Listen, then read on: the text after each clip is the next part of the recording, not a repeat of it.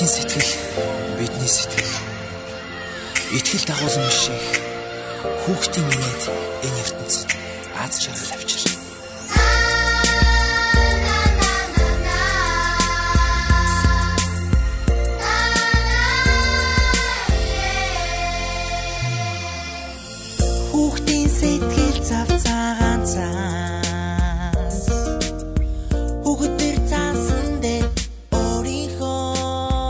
Сонсогч та бүхнийхээ өдрийн амрам болон айлтгын ихэл радио 91.1 манай подкастын дугаар маань эхэлж байна.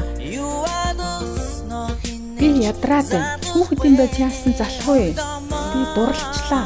Хүүхдийн байж зүгээр л хичээлээ хий. Би өвдөд байна. Хүүхдийн байж худлаа баашлаа. Би гомдож байна. Хүүхдийн байж яасан их цантай. Би хүсэхгүй байна. Хүүхдийн байж яасан том толгойтой. Хүүхэд юм байж. Хүүхэд байлаа гэдэг юу гэж.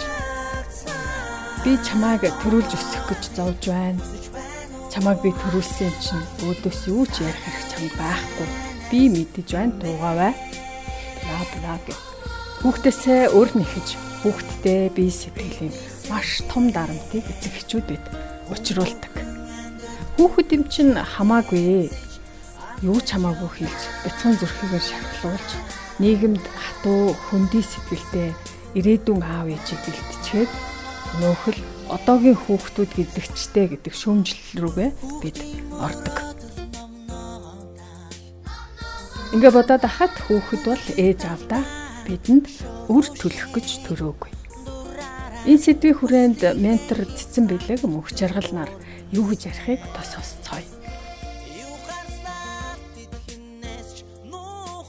Хүүхэд ярьсантай холбоотойгоор хүмүүс хүүхдээ ингээд амьдрал дээр гарахаас өмнө өөрийнхөө хүссэн хэлбэрт оруулж хэлбэржүүлэх гэж их оролддог.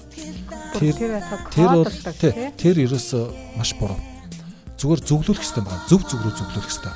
Хүн өөрөө нийгмийн харилцаанаас нэгэнд зөв зөв рүү зөвлөөдөө зөв зам дээр явж байгаа бол өөрөө хэлбэрч. Тэгэхгүй бол ингээд хүчээр хэлбэржүүлэх гэж яг өөрийнхөө хүссэн хэлбэрт оруулах гэж шахснараа хүүхэд тэрий чинь дургу хүлээж авна. Заримдаа өөрөө хүсээгүй байж болно А эсвэл хүсэн хүсэхгүйгээ мэдхгүйгээр ингээд явж байгаад өөрийнхөө мөн чанараас өөр хэлбэрт орж болно. Тэр бол асуудал. Тэгэхээр бол хүүхдийг бол их гоё найз нөхөр шиг зөвлөж чиглүүлээл тэгэл анзаарч хянаад бүр болохгүй буруутах гэдэг байвал харин жоохон зам дээр нь хаалт болоо те. Чиглэл ингээд залруулаад энэ чинь зөвлөх гэдэг байгаа дээ.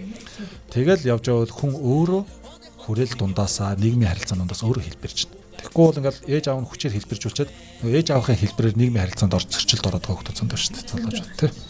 Тэгээ бас анзаарч хагаад мэдээж бүгд биш л те. Нөө эцэг их нь хүүхдээсээ шууд ач хариу нэг тийм амьдрал бас аюух байна. Чамайг төрүүлж өдөө хүртэл ингэсэн байхад чи одоо ингэ гэл нөгөө хүүхд чинь нэгсэнд одоо тэр хүмүүсийн амьдралын хэрэгсэл болж ирсэн юм уу те? Яг ямар учиртай энэ тэр би даасан одоо хувийн амьдрал гэж байхгүй болсон хүмүүс аюух гэдэг. Facebook дээр. аюу харамсалтай те. Бид нар нэгд хүн болж төрсөн. Эн чинь одоо өөрийн одоо тэр үүлээрээ идэх үүлтэй идэх хэмтайгаа ингээд ирж хахад чинь тэрийг одоо ингээд нэг юм биологийн тийм натурал тэр зүйлийг чинь ингээд нэг юм өөрчилчихэж байгаа байхгүй. Хэлбэр төрсөн агуулгын өөрчлөлт.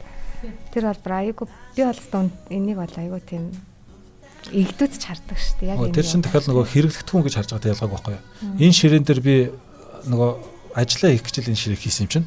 Энэ дээр би ажиллаа гэсэн гэд нөгөө ширээдэг ярьж байгаа те. Чи миний ажлыг хийлгүүл би чам дээр ажил хийх гэж хийсэн гэл те. Чам чи чам дээр өөр хүн ирж юм тавиад байна. Чи болохгүй гэдэг ялгаагүй байхгүй те. Тэр чин хүн гэдгээ ялгахгүй байдаг шүү дээ. Хүн хүм төрүүлсэн, хүн өсгцэн. Тэр хүнд амьдралын зорилго, хүсэл мөрөөдөл гэж байгаа тэр хүн бие даасан оршихуй. Тэр хүнд тусдаа мэдрэмжүүд бий тэр хүн хүн болж төрснөөхөө төлөө тэр өөрийнхөө авах ёстой мэдрэмжүүд амьдралаас авах ёстой. Тэгэхээр чин тийм юмнаас нь бүгднгээс нь хашаал би чамайг төрүүлсэн юм чинь одоо чи ин гэдэг чинь бол тэр чигээрээ нөгөө хүнийг хэрэглэхтгүн гэж хараад байгаа та яг адилхан гэсэн. Саяхан манай нэг найз фэйсбુક дээр постлцсан байсан. Хүүхэд хайрлуулахын хайрлуулахын тулд хичээх ёсгүй гэж. Харин эцэг нь хүүхдэд хайрлахын тулд хичээх ёстой гэж. Энэ л байхгүй. Тэгэхгүй бол эцэг нь эргүүлээд би чамайг төрүүлжсэн одоо ач хариул гэдэг чинь нэгдүгээрт нь хүүхдээсээ юу яж байгаа байхгүй юу? хариу нэг ч нэ гэдэг бол эцэг нөгөө хүүхэд чинь эцэг ихээр хайрлуулахын тулд эцэгийнхээ нөгөө анхааралд нь байж байхын тулд таалагдахын тулд ачийг хариулахгүй болохгүй гэдэг хичээл сэтгэлийн асуудал гарч байна. Яг үнэнд зөвхөн шудраг хэлэхэд олон хүнд ургуцах. Гэхдээ бодит үнэн тэр байхгүй юу? Тэр хүүхэд энэ хорвоо дээр гуйж ирээг байхгүй юу? Эцэг их хоёроо гуйж ирээгүй. Намайг төрүүлээд өгөөч ээ, туслаач ээ гэх тээ Тэгээ нөгөө ер нь амар дургу байсан те. За за нөгөө нэг гэртээ хонц оруулж байгаа юм шиг те. Оруулахгүй за за за өнөөш нь ороод хончих гэж байгаа юм шиг те. Ингээд хүний гуйлтаар бид нар тэгэж гуйж яагаад ирээд ээж аавын тар зүгээр буян бодоод бид нарыг те төрүүлсэн биш байхгүй юу? Биш байхгүй юу? Энийг эцэгчүүд ухамсарлах хэрэгтэй. Тэгээд төрүүлсэнд одоо тэгээд яг одоо өнөөш нь хөлдөж өгөхөөс нь ороод гэртээ оруулаад хонолцсон айлынхаа ачийг үлдсэн амьдралаар хариулах гэх тээ явж байгаа юм шиг байж байгаа. Энд чинь тэр 92-ын яг үндэ таашаал өөрсдөө хүсэж дурлж хийсэн ажлын үр дагавар шүү дээ. А энэ утгаараа бол эцэг их ч гэсэн хүүхдийн хариуцлага үүрнэ. А үнэхээр хүүхдээ би бол зөвхөн энгийн энгийн төвшөнд нь ярьж байгаа шүү Зөвөр энэ шашныхаа гэх юм уу энэ урд хойд насныхаа асуудал ороод гүнзгий төвшинлөг орвол ахаад өөр агуулга хөндөгдөн. Гэхдээ аль ч төвшөндөө ярьсан байсан. Зөвөр эцэг их бол даам гарчихсан хариу нэхээ сууж явах хэрэгтэй хүмүүс бол биш. Өөр хүүхэд ч гэсэн би хүссэндээ ирээгүй та нар л дуртадаа төрүүлсэн. Тэгэхээр бол би та нарын өмнө хариуцлага өгөхгүй гэхгүй. Хин хинийхээ өмнө хариуцлагатаа хин хинийгээ хайрлаж, хин хинийгээ дэмжиж явах хэрэгтэй.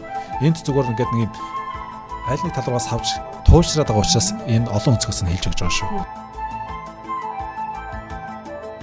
Зөвхөн биеийг нь төрүүлж ходоодыг нь тижээснээрээ өөрсдөө их буянтай, ачтай гэж ярьдаг эцэг эхчүүд бидэнд хүүхдийнхээ алхам тутмыг, алхаа гიშгийг нь хүртэл заах гэж зарим нэг нь оролдож байхад за зарим нэг нь хитрхи урам зоргийг нь мохоож байдаг. Тэгэхээр та бол хүүхдээ хитрхлүүлэгч бас биш, хитэх мохоогч бас биш. Тийм учраас та хүүхдийнхээ чиглүүлэгч нь, зөвлөгч нь байсан дээр болоо гэж бодож байна.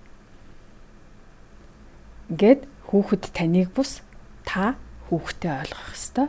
Учир нь хүүхэд том хүн байж үзээгүй, харин та хүүхэд байж үзсэн шүү дээ.